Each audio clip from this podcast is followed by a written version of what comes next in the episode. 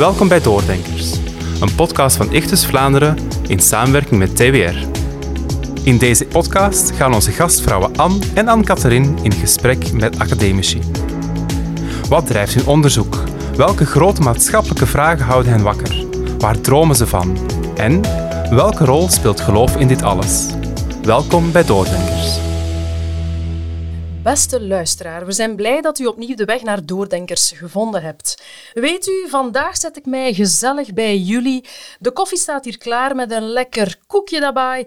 En ik kijk samen met u uit naar een razend interessante en voorlopig helaas laatste aflevering van Doordenkers. En we eindigen in schoonheid, dat kan ik u zeggen, want beste luisteraar, hier bij mij zit onze lieve co-host Anne van Hekken. Anne, de luisteraars kennen, jullie, kennen u natuurlijk als host van een hele reeks afleveringen van deze podcast. Maar vandaag ga je ons een inkijk geven in wie jij bent, wat jou drijft en hoe jij als christelijk academica in het leven staat. Welkom. Dank u wel. Voor Ichtus ben jij geen onbekende. Hè? In je studententijd was je al stevig betrokken bij Ichtus Gent en het levende bewijs dat er bij Ichtus ook romantiek in de lucht hangt. Ondertussen ben je namelijk al 25 jaar gelukkig getrouwd en mama van drie dochters. Je hebt verpleegkunde gestudeerd, dan even lesgegeven aan de hogeschool, waarna je een zestal jaar als verpleegkundige gewerkt hebt op onder andere de oncologische afdeling van het UZ Gent. Zoals je zelf aangeeft, ben je eerder toevallig in een doctoraat gerold met een onderzoek naar waarom patiënten met chronische aandoeningen de leefstijladviezen niet opvolgen en op welke manier zorgverleners hen daarbij toch zouden kunnen helpen. Na je onderzoek ben je blijven plakken in het academische gebeuren en ondertussen sinds 2012, toch al meer dan tien jaar, professor verplegingswetenschap aan de Universiteit Gent, waar je je focust op lessen geven en onderzoek rond patiëntenparticipatie in de zorg en nieuwe zorgmodellen in de gezondheidszorg. Een hele boterham.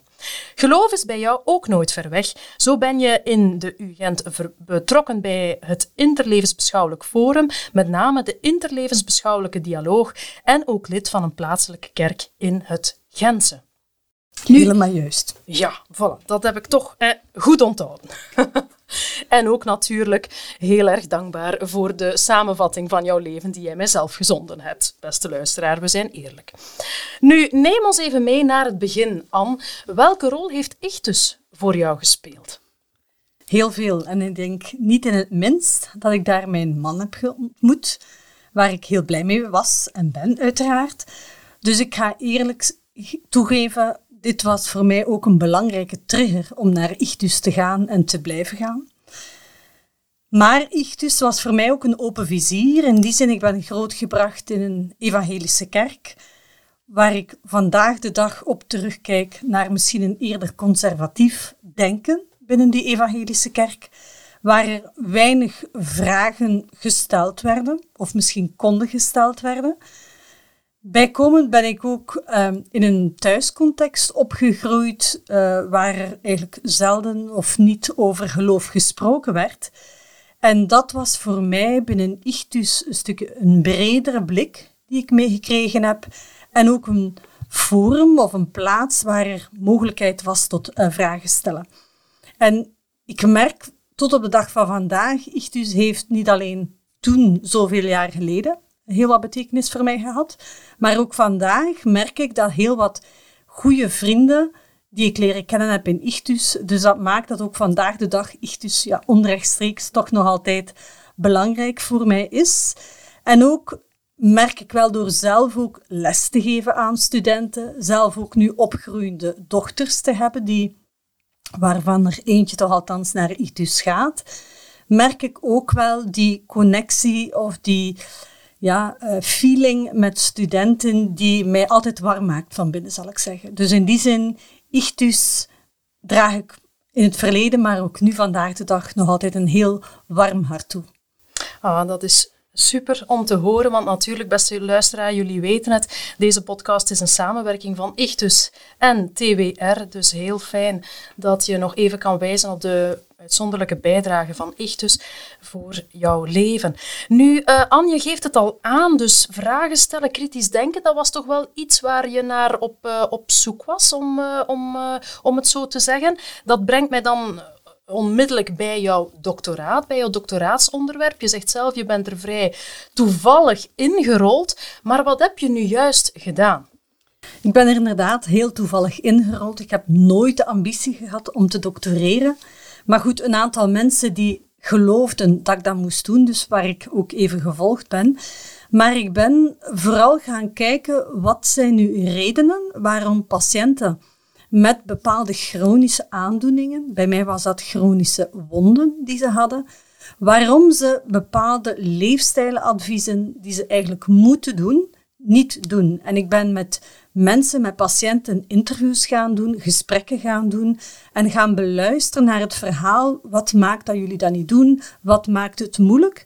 Maar anderzijds ook gaan kijken, wat hebben jullie nodig om die adviezen die jullie van artsen of van verpleegkundigen krijgen, wat kan jullie helpen om het toch te doen? Dus we zijn enerzijds gaan kijken waar het probleem is, maar wat kunnen we eraan gaan doen? En dan ben ik samen met patiënten, samen ook met zorgverleners, een aanpak gaan uitwerken waar er geïnformeerd wordt, waar patiënten coachten, om eigenlijk met die aanpak, met die leefstijladviezen om te gaan. En dat is waar ik eigenlijk ja, zes jaar bijna mee bezig geweest ben, naast de drie keer bevallingen die ik tijdens mijn doctoraat gedaan heb. Pittig, lijkt me wel. Hè? maar natuurlijk, dan kan je onmiddellijk jouw onderzoek in de praktijk brengen, als je zelf natuurlijk als patiënt dan in het, uh, in het ziekenhuis ook uh, terechtkomt. Klopt, ja. maar het was niet met chronische beenwonding. Natuurlijk, gelukkig. gelukkig dat we dat nog steeds niet onder zo'n kopje moeten gaan plaatsen. Nu, um, zijn er dan na jouw um, onderzoek, na jouw doctoraatsonderzoek, principes boven komen borrelen, waarvan je kan zeggen, ja, dat zijn nu elementen die toch wel steunpilaren van mijn onderzoek geworden zijn. Um, ja, zijn er zo van die drijvende principes in jouw, onderwerp, in, in jouw onderzoek? Wel, ik denk, ik wil een beetje vroeger teruggaan. In die zin was er een eerste drijvend principe waarom ik destijds voor verpleegkunde ook gekozen heb. En ik herinner mij mijn eerste jaar binnen verpleegkunde Oorspronkelijk wilde ik ontwikkelingswerk gaan doen. Nu, het is net voorlopig iets anders uitgedraaid. Wie weet wat de toekomst nog brengen zal. Maar ik herinner mij mijn eerste jaren in de opleiding was ik heel erg uh, bewogen eigenlijk door uh, de filosoof, een Litouwse Jood, namelijk Emmanuel Levinas, die op een gegeven moment ook in een concentratiekamp gezeten heeft gedurende vijf jaar. En die mij destijds in de lessen de blik van de leidende doen uh, zien heeft, doen kennen heeft. En waarbij zijn visie was van het ontwijken van een blik van een mens, dat is het begin van alle geweld. En voor mij was het het zien van een gezicht, een zien van een gelaat, wat we niet zo gemakkelijk wegsteken normaal gezien, kan je moeilijk negeren. En vanuit de, de, het idee van Levinas was vanuit het zien en die blik die je of in elkaars ogen kijkt van die leidende, dat maakt dat er appel op jou gedaan wordt. Dat maakt dat je ergens moet reageren, ageren, om misschien die kwetsbaarheid van die andere of die problemen bij die andere mee te helpen aanpakken. En voor mij was dat, is dat heel lang het een heel erg leidend principe geweest. Um, met, het, met EI uiteraard. Eh, maar ik merkte dat dat ook in mijn onderzoek heel vaak het geval was. Van, van ik wil proberen te begrijpen door het gezicht van die ander te zien, door het verhaal van die ander te gaan beluisteren. Nu, ik merk wel, ik zit nu al een tijdje in het academische, dat daar een tweede principe bijgekomen is. En um, ik dat was eigenlijk hoe kijken we als christen naar de mens. En voor mij was het zien van die mens, het zien van die patiënt als iemand naar Gods beeld geschapen, maakt dat dat voor mij naar boven kwam van dat is iemand met mogelijkheden. Dat is iemand met sterktes. Dat is iemand met potentieel die talenten gekregen heeft. En toen heeft mij dat wel doen realiseren in de zorg waar ik een paar jaar in gewerkt heb, maar ook in mijn onderzoek. Ja, hoe kan ik enerzijds die twee blikken of die twee principes gaan combineren? En dan ben ik heel erg gaan nadenken op welke manier kan ik dat ook in mijn onderzoek nu gaan vormgeven. En ik probeer dat bijvoorbeeld concreet te doen om lessen die ik geef heel regelmatig samen met patiënten te geven. Ik heb projecten gedaan waar ik patiënten mee als onderzoeker aangesteld heb om mee interviews en dergelijke meer te gaan doen. Omdat ik denk dat we moeten oppassen, niet alleen in de zorg of in de gezondheidszorg, van de patiënt niet alleen te zien met wat lukt allemaal niet meer, mhm. maar ook te zien welke sterktes, welk potentieel heeft die persoon, ondanks zaken die misschien niet meer lukken, welk potentieel heeft die wel? En voor mij, ik ga eerlijk zijn, is dat zo een principe dat de voorbije jaren meer aan belang heeft gewonnen mhm. in mijn denken, hoe ik naar patiënten, hoe ik naar mensen kijk, maar ook in mijn onderzoek wat ik doe, waardoor dat ik die stem van die patiënt probeer een stem ook te geven, want die mhm. heeft wel heel wat te zeggen. Naast wat wij als zorgverleners uiteraard ook te zeggen hebben. Dus dat zijn zo twee principes die voor mij ehm, bijzonder belangrijk zijn en die voor mij ook toelaten om die blik van die leidende te zien, moet je in verbinding gaan. Maar ook om die sterktes van die persoon te zien, moet je ook in verbinding gaan. En dat is voor mij een heel belangrijk woord, zo het zoeken naar verbinding met die ander. Om enerzijds te detecteren wat zijn noden, maar anderzijds ook te detecteren wat zijn zijn sterktes. En dat probeer ik in mijn onderwijs, in mijn onderzoek, in mijn maatschappelijk relevant proberen zijn. Als ik academicus probeer ik dat heel erg um, goed voor ogen te blijven houden. Ja, bijzonder wel zo die combinatie inderdaad van de blik van de leidende mens met ehm, ja, de patiënt die potentieel heeft. Heel uh, mooi hoe je dat ook zo stelt. Um, ja, dat brengt mij dan onmiddellijk bij mijn volgende vraag. Um, een patiënt die potentieel heeft, die sterktes heeft, die krachten heeft, dan lijkt mij dat we daar dus als niet-zorgbehoevende ook iets van kunnen leren. Nu, wat zijn dan zo de zaken um, ja, waarvan jij denkt dat mensen die niet onmiddellijk zorgbehoevend zijn, wel kunnen leren van de stem van de patiënt? Waarom is die, gezond, waarom is die belangrijk voor degene die geen hulp nodig heeft of die denkt dat hij geen hulp nodig heeft? De, de vraag triggert bij mij al een eerste iets, met name beetje het dichotomiseren, iemand die zorgbehoeftig is of zorg nodig heeft en iemand die geen zorg nodig heeft. Ik mhm. denk, als we luisteren naar mensen hun verhalen, dat er heel veel zorgbehoeften zijn, maar die we misschien niet altijd weten, niet, niet altijd zien. Dus ik, in die zin, ik denk dat we psychisch vlak, op fysisch vlak, op psychosociaal vlak, dat er heel veel zorg nodig is, meer dan we denken. Nu, ik denk wel um, dat we heel veel kunnen leren. Ik denk als we in gesprek gaan met mensen, als we hun verhaal beluisteren, waar ze kwetsbaar in zijn, ik merk bij mijzelf dat dat ook mijn eigen kwetsbaarheid laat zien. Daar waar we misschien soms denken van alles gaat goed voorlopig, eh, geen fysieke klachten en noem maar op. Maar door het verhaal van andere mensen te beluisteren, word je wel, of, word je wel, of ja, sta je wel stil bij jouw eigen kwetsbaarheid. Wat ik ook bij mijzelf merk als ik uh, miserie van anderen rondom mij horen of zie, bepaalt het mij soms heel erg ook bij hoe dankbaar ik mag zijn en kan zijn voor de dingen die bij mij wel nog lukken momenteel. En ik ga voorzichtig hout vasthouden mag ik helemaal niet klagen op vlak van gezondheid en fysieke gezondheid. Ik denk ook psychosociale gezondheid.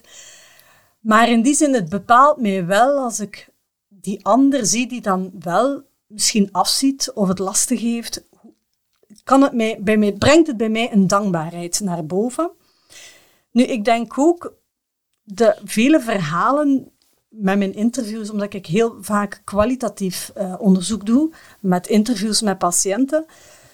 Als ik een verhaal hoor, dan vind ik het ook soms bijzonder dat die patiënten voor mij dan een voorbeeld kunnen zijn van op welke positieve manier ze ondanks het lijden in het leven staan, hoe ze met lijden omgaan.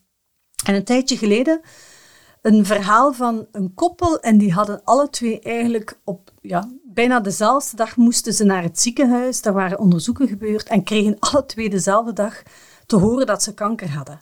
Heftig. En wat ik heel mooi vond in dat verhaal, die zijn op een gegeven moment, die waren al wat van leeftijd, maar die zijn samen op café geweest, die hebben een stuk taart gekocht en die hebben gevierd wat het leven hen in de periode daarvoor geboden had.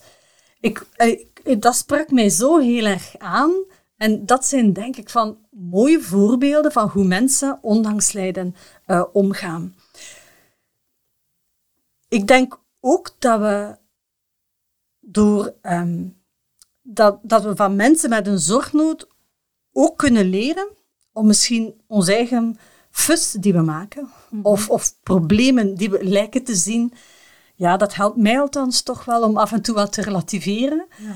Ehm, eh, en, en misschien wat minder moeilijk te doen over een aantal zaken. En dan, en dat is een beetje een persoonlijk verhaal waar ik de laatste voorbije zes, zeven maand heel erg nauw bij betrokken geweest ben. Een heel goede vriendin van mij die, is, uh, die heeft de diagnose ALS gekregen, dus is een chronische ja, spier-zenuwziekte. Mhm. En die is vlak voor de kerstvakantie overleden, maar ik heb haar eigenlijk die laatste maanden in haar traject begeleid bij het mhm. wel en weven dat er allemaal bij komt kijken. En voor mij heeft mij dat een, een bijzonder gevoel van, um, van betekenis kunnen geweest zijn voor haar. Mhm. Ehm, en dat, je kunt dat benoemen, dat heeft mij een goed gevoel gegeven, maar ik, ik kijk daar, ondanks de vele miserie, met, met heel veel contentement op terug. Mhm. Eh, en ja, en ik denk dat dat juist was, omdat ik zeker in die periode, wat een heel moeilijke periode was, uh, echt die heel erg authentieke verbinding gevoeld hebt, geproefd hebt, maar die mij ja, een, een bijzonder gevoel van contentement, diepe, diepe, uh, ja, een diepe verbondenheid die het mij gegeven heeft. En allee, ook wel, moet ik dat gaan zeggen, um, ja, de appreciatie die je dan op een gegeven moment ook van de omgeving gekregen hebt, van voor wat je gedaan hebt, mm dat heeft mij deugd gedaan. Ik ga daar eerlijk in zijn. Um, maar had die verbinding daar niet geweest, dan had ik nooit zo'n betekenisvol gevoel kunnen hebben. Dus in die zin, ja, denk ik, het, kunnen we heel veel leren van patiënten. Mm door, ik zeg het, naar een verhaal te luisteren, door daar te zijn, door verbinding te zoeken. En het woordje verbinding zal misschien nog een paar keer vallen in deze podcast. Dat is een van mijn favoriete woorden, maar goed, er mhm. zijn er nog wel. Maar ja, ik, ik geloof heel erg, en niet al geloven, maar ik heb ook wel echt aan de lijve ondervonden dat we heel veel van mensen met zorgnoden kunnen leren. Ja. Mhm. Ja, wel, je wordt toch wel eventjes stil van inderdaad uh, de, de zaken die hier aanhaalt, um, Anne. Um, ja, hoe pijnlijke verhalen toch ook wel ja, bronnen van, van licht, uh, heel confronterend ook, maar ook wel bronnen van licht uh, kunnen zijn. Um, ja, nog zo'n pijnlijk verhaal was natuurlijk de COVID-pandemie. Een, een, een, tijd terug die nu op zijn einde loopt, maar de, is, COVID is natuurlijk nog steeds onder ons. Maar hoe heb jij dat als expert binnen de zorg ervaren, heel die pandemie? Ja, ik denk dat het voor veel mensen een, een crisis was. En ik ga eerlijk zijn, ook voor mij als onderzoeker, ja, heeft dat bij mij heel veel vragen opgeroepen. Uh, in die zin, ja, ik hoorde natuurlijk verhalen, schrijnende verhalen van in de zorg. Hè. Zeg maar mensen in woonzorgcentra die hun kinderen niet meer mochten zien. Een buurman uh, van bij ons die vertelde over zijn moeder die aan het dementeren was, waarbij het risico bestond na COVID dat zijn moeder hem misschien niet meer zou herkennen, omdat hij daar niet naartoe kon gaan. Um, dus dat heeft mij heel erg geraakt, omdat ik heel veel zaken in de zorg zag die ja, niet meer mochten, niet meer konden. Patiënten die geen zorg konden krijgen, patiënten die niet meer op, op een consultatie mochten komen bij een oncoloog of weet ik veel wie. Mhm. En ze hadden heel erg handen aan het bed van de patiënt tekort. En ik weet ja, dat ik dat heel moeilijk vond van wat, hoe moet ik nu van betekenis zijn? Mhm. En ik weet, ik heb me toen nog ingeschreven op een lijst om in een zorgcentrum uh, vrijwilligerswerk te gaan doen. Nu goed, men heeft mij daar uiteindelijk nooit uitgepikt. Maar dat was heel erg vanuit een soort onrust van niet wetende, ja, hoe kan ik hier nu van betekenis zijn? Hoe kan ik hier nu in die zorg, hè, die kreunend is, mhm. hoe kan ik daar iets eh, gaan doen? En ik zag ook in mijn omgeving heel veel uh, onderzoekers en professoren die allerlei onderzoek begonnen te doen in die COVID. Het, wat voor mij soms een heel erg dubbel gevoel gaf van zo'n beetje oké, het is hier de moment, we mhm. kunnen hier uh, onderzoek en publicaties en misschien ook financiële middelen uitslaan. Dus bij mij gaf dat altijd zo'n wrang gevoel van, gaat dat nu het verschil maken, hier en nu? Mhm. En toen ja, ben ik uiteindelijk, um, na heel wat worstelingen, ben ik interviews gaan doen. Allee, was eigenlijk een collega die zei van, van Anne, uw start ligt misschien nu niet meer met uw handen aan uw bed van die patiënten gaan staan, maar wel vanuit uw onderzoeksbril, waar zie je noden en wat kan jij aan tools aanreiken voor die zorgverleners of die patiënten, zodat ze minder miserie hebben. En wat ik, ben ik dan gaan doen, ik heb heel wat onderzoek gedaan binnen de kankerzorg. En ik ben met interviews met patiënten, met familieleden gaan doen die de boodschap hadden gekregen van kijk, je mag nu niet meer naar uw oncoloog gaan. We gaan dat uitstellen. Uw kankertherapie gaan we uitstellen. Uw kankertherapie gaan we niet opstarten. We gaan ze verleggen. Wat heeft dat voor patiënten betekend en voor de mantelzorgers daar rond om die boodschap te krijgen? Mhm.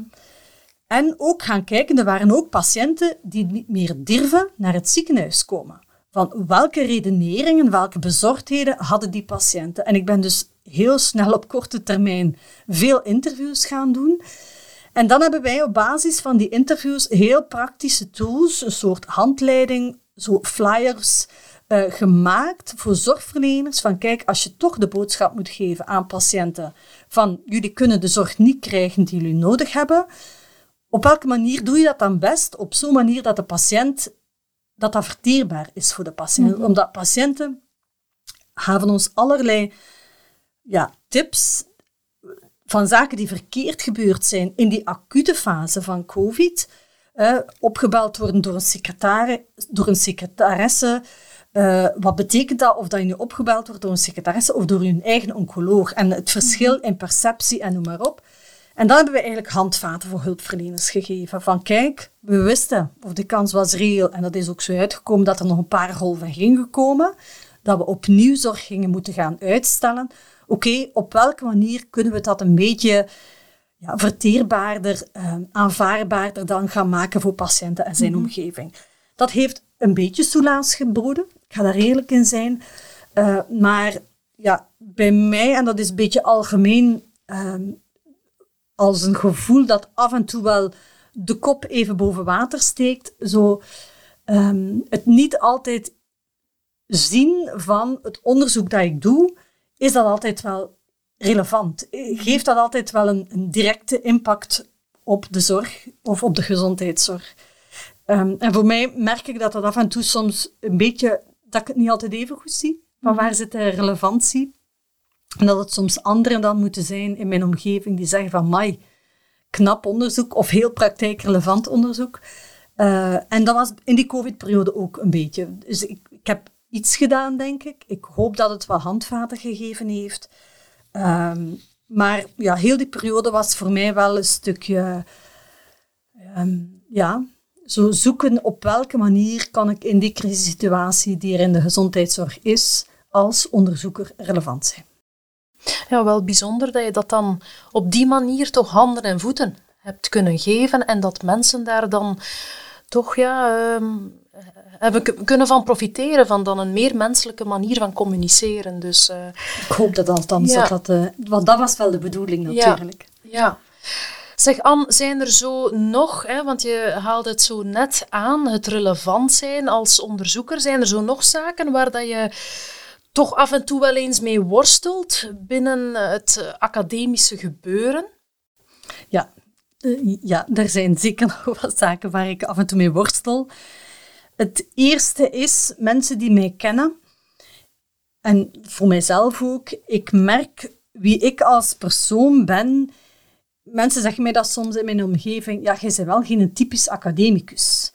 Um, en dan vraag ik soms wel eens, ja goed, met wat heeft dat te maken of wat maakt dat je dat zegt?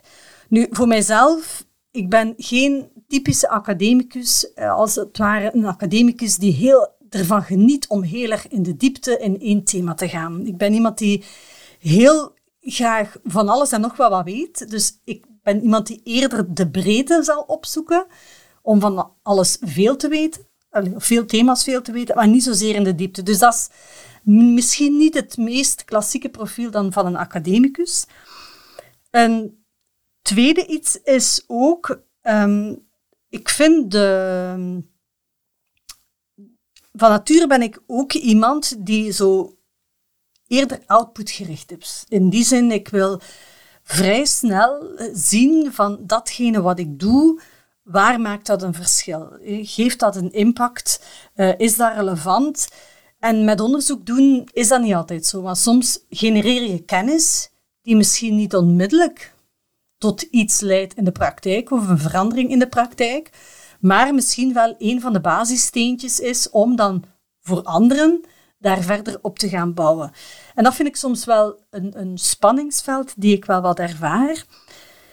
Een ander spanningsveld is ook wel um, de context van het academische. In die zin, allez, ik denk dat het algemeen gekend is, de context van het academische is met momenten een vrij competitieve context. Mm -hmm. Een context waar je moet ja, middelen binnenhalen, dus geld binnenhalen mm -hmm. als het ware, en gaan publiceren. Waar, ik denk dat ik dat mag zeggen, onderwijs soms vanuit het systeem uh, minder als belangrijk gezien wordt, omdat dat natuurlijk eerder kost dan dat dat uh, geld oplevert. Mm -hmm.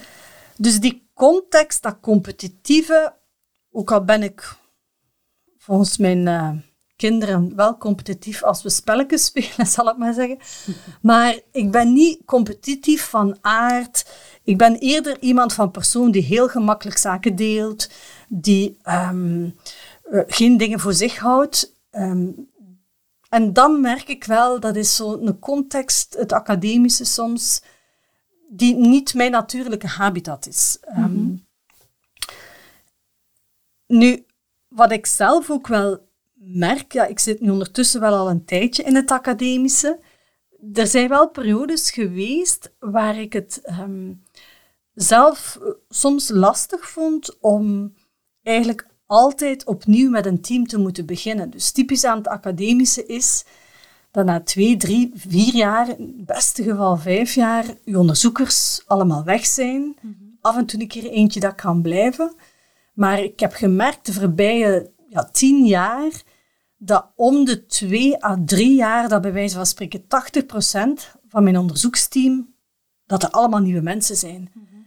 En ik weet dat ik met momenten zo het gevoel had van oké, okay, we moeten hier opnieuw beginnen, van nul beginnen, opnieuw altijd maar geven, geven, geven. En een verschillende jaren geleden had ik wel op een gegeven moment het gevoel van een beetje leeg, of het, het risico van leeggegeven te zijn. Mm -hmm. En toen wel gerealiseerd van, goed Anne, je moet ook zorgen dat je zelf bront, herbront, mm -hmm. en niet alleen maar geeft. Maar ik vind dat soms wel een, um, ja, soms droom ik er wel eens van om zo met een duurzamer team naar iets te willen bouwen. Terwijl nu voel je, ja, investeer je vooral in groei van andere mensen. Mm hè, dat zij gaan groeien. En dat is voor mij wel belangrijk om voor ogen te houden. Uh, van, um, ja, dat je echt wel ja, mensen in hun pad, in het leven, ja, een stukje helpt uh, laten groeien. En de lastigste de voorbije jaren met momenten was de work-life balance. Ik ga daar eerlijk in zijn. Ehm, ja, ik ben iemand die niet zo gemakkelijk van nee kan zeggen, omdat ik van veel dingen enthousiast word.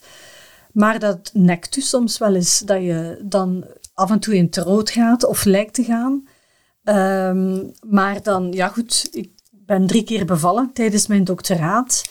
Dan aan het academische blijven, een promotor die overleden is. Dus alles moest gewoon up en running gehouden worden. Mhm. Dus dat is meer dan een tand bij gaan steken. Uh, maar dat was voor mij zo, hoe die work-life balance was soms wel wat zoeken en is met momenten nog soms wel wat zoeken. Um, dus ja, dat zijn toch wel wat, wat uitdagingen, worstelingen. De ene periode al meer worsteling en dat hebt dan wel weer weg. Heb je dan um, ook, ook tips? Want daarbij, ja, je zit dan in die wetenschappelijke wereld. Je bent natuurlijk ook een christen in de wetenschappelijke wereld. Dus ik denk dat dat dan soms misschien nog voor wat extra uh, spanning kan gaan zorgen. Um, op basis van hetgene wat je nu net gezegd hebt, en ook dan het feit dat je een dat je christelijk bent, ja, heb je misschien, ja, kan je misschien iets meegeven aan, uh, aan, aan de luisteraar van hoe, ja, hoe ben je daar nu mee omgegaan? Heb je manieren gevonden om dat ergens een beetje te gaan counteren? Tips voor mensen die ook uh, tegen hetzelfde aanlopen? Wat ik denk, iets is sowieso...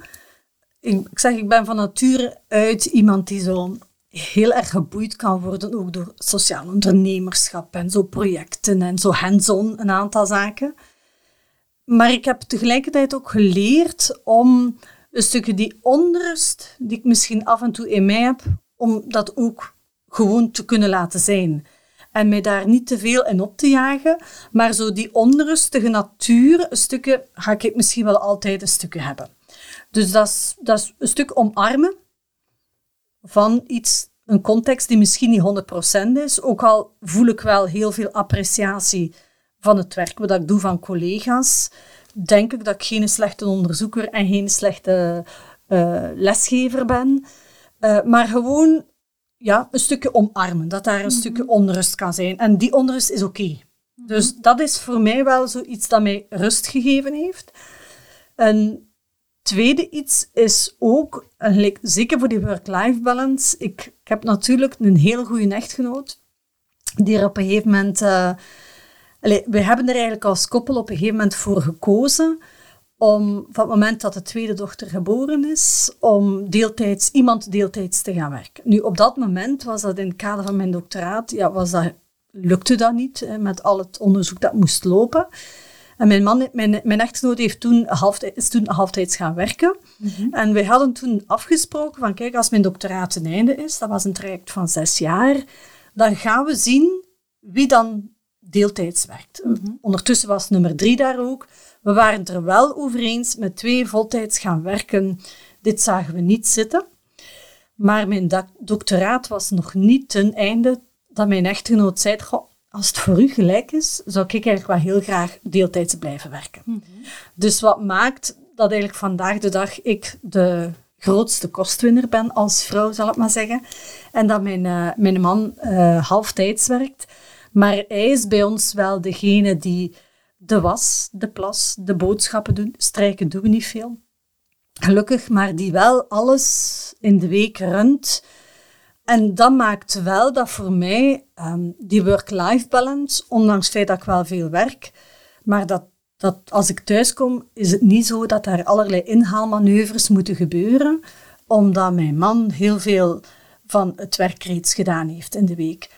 En dat maakt ook als de kind... Allee, soms kun je zo eh, de guilty mom, je, je, schuldig voelen als, als mama.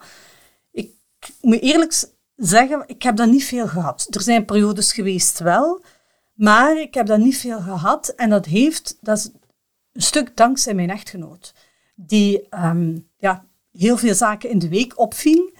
Maar dat maakte wel dat ik in het weekend dat, dat ik tijd kon vrijmaken voor de kinderen, voor mijn echtgenoot. Ik denk, als ik mij schuldig voel, zal het meer naar mijn man geweest zijn dan aan mijn kinderen. Uh, waar ik dan wel meer tijd aan besteedde. En er zijn periodes geweest aan mijn man iets minder, tot frustratie van hem. Dus mocht je dan hem vragen, zal ik daar ook wel een boomje kunnen over opzetten. Maar in die zin was dat voor ons wel een heel vlot, zonder veel discussie, uh, patroon. Waar mhm. dat hij de halftijds werkte, ik voltijds werkte. En ik heb het gevoel tot op de dag van vandaag dat dat eigenlijk heel makkelijk zo is. En dat dat ook het beste past wie bij wij als van nature zijn. Mijn man is iemand die heel graag thuis is, die heel graag op zijn gemak is, ook alleen uh, regelmatig uh, graag is.